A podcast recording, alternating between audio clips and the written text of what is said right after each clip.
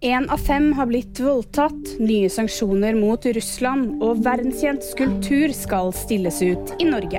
Hele én av fem norske kvinner har blitt utsatt for voldtekt, og halvparten var under 18 år da overgrepet skjedde.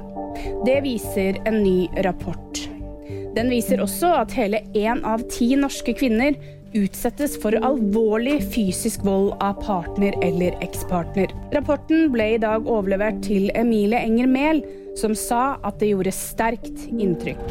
Norge slutter seg til EUs nye sanksjonspakke mot Russland.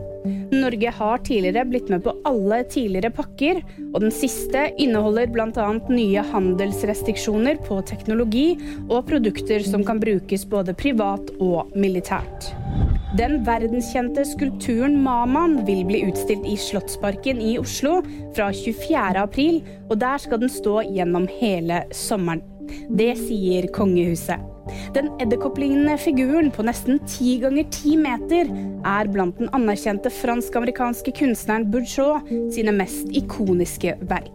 Hun regnes som en av 1900-tallets mest innflytelsesrike kunstnere. VG-nyhetene fikk du av meg, Ida Aaberg Evensen.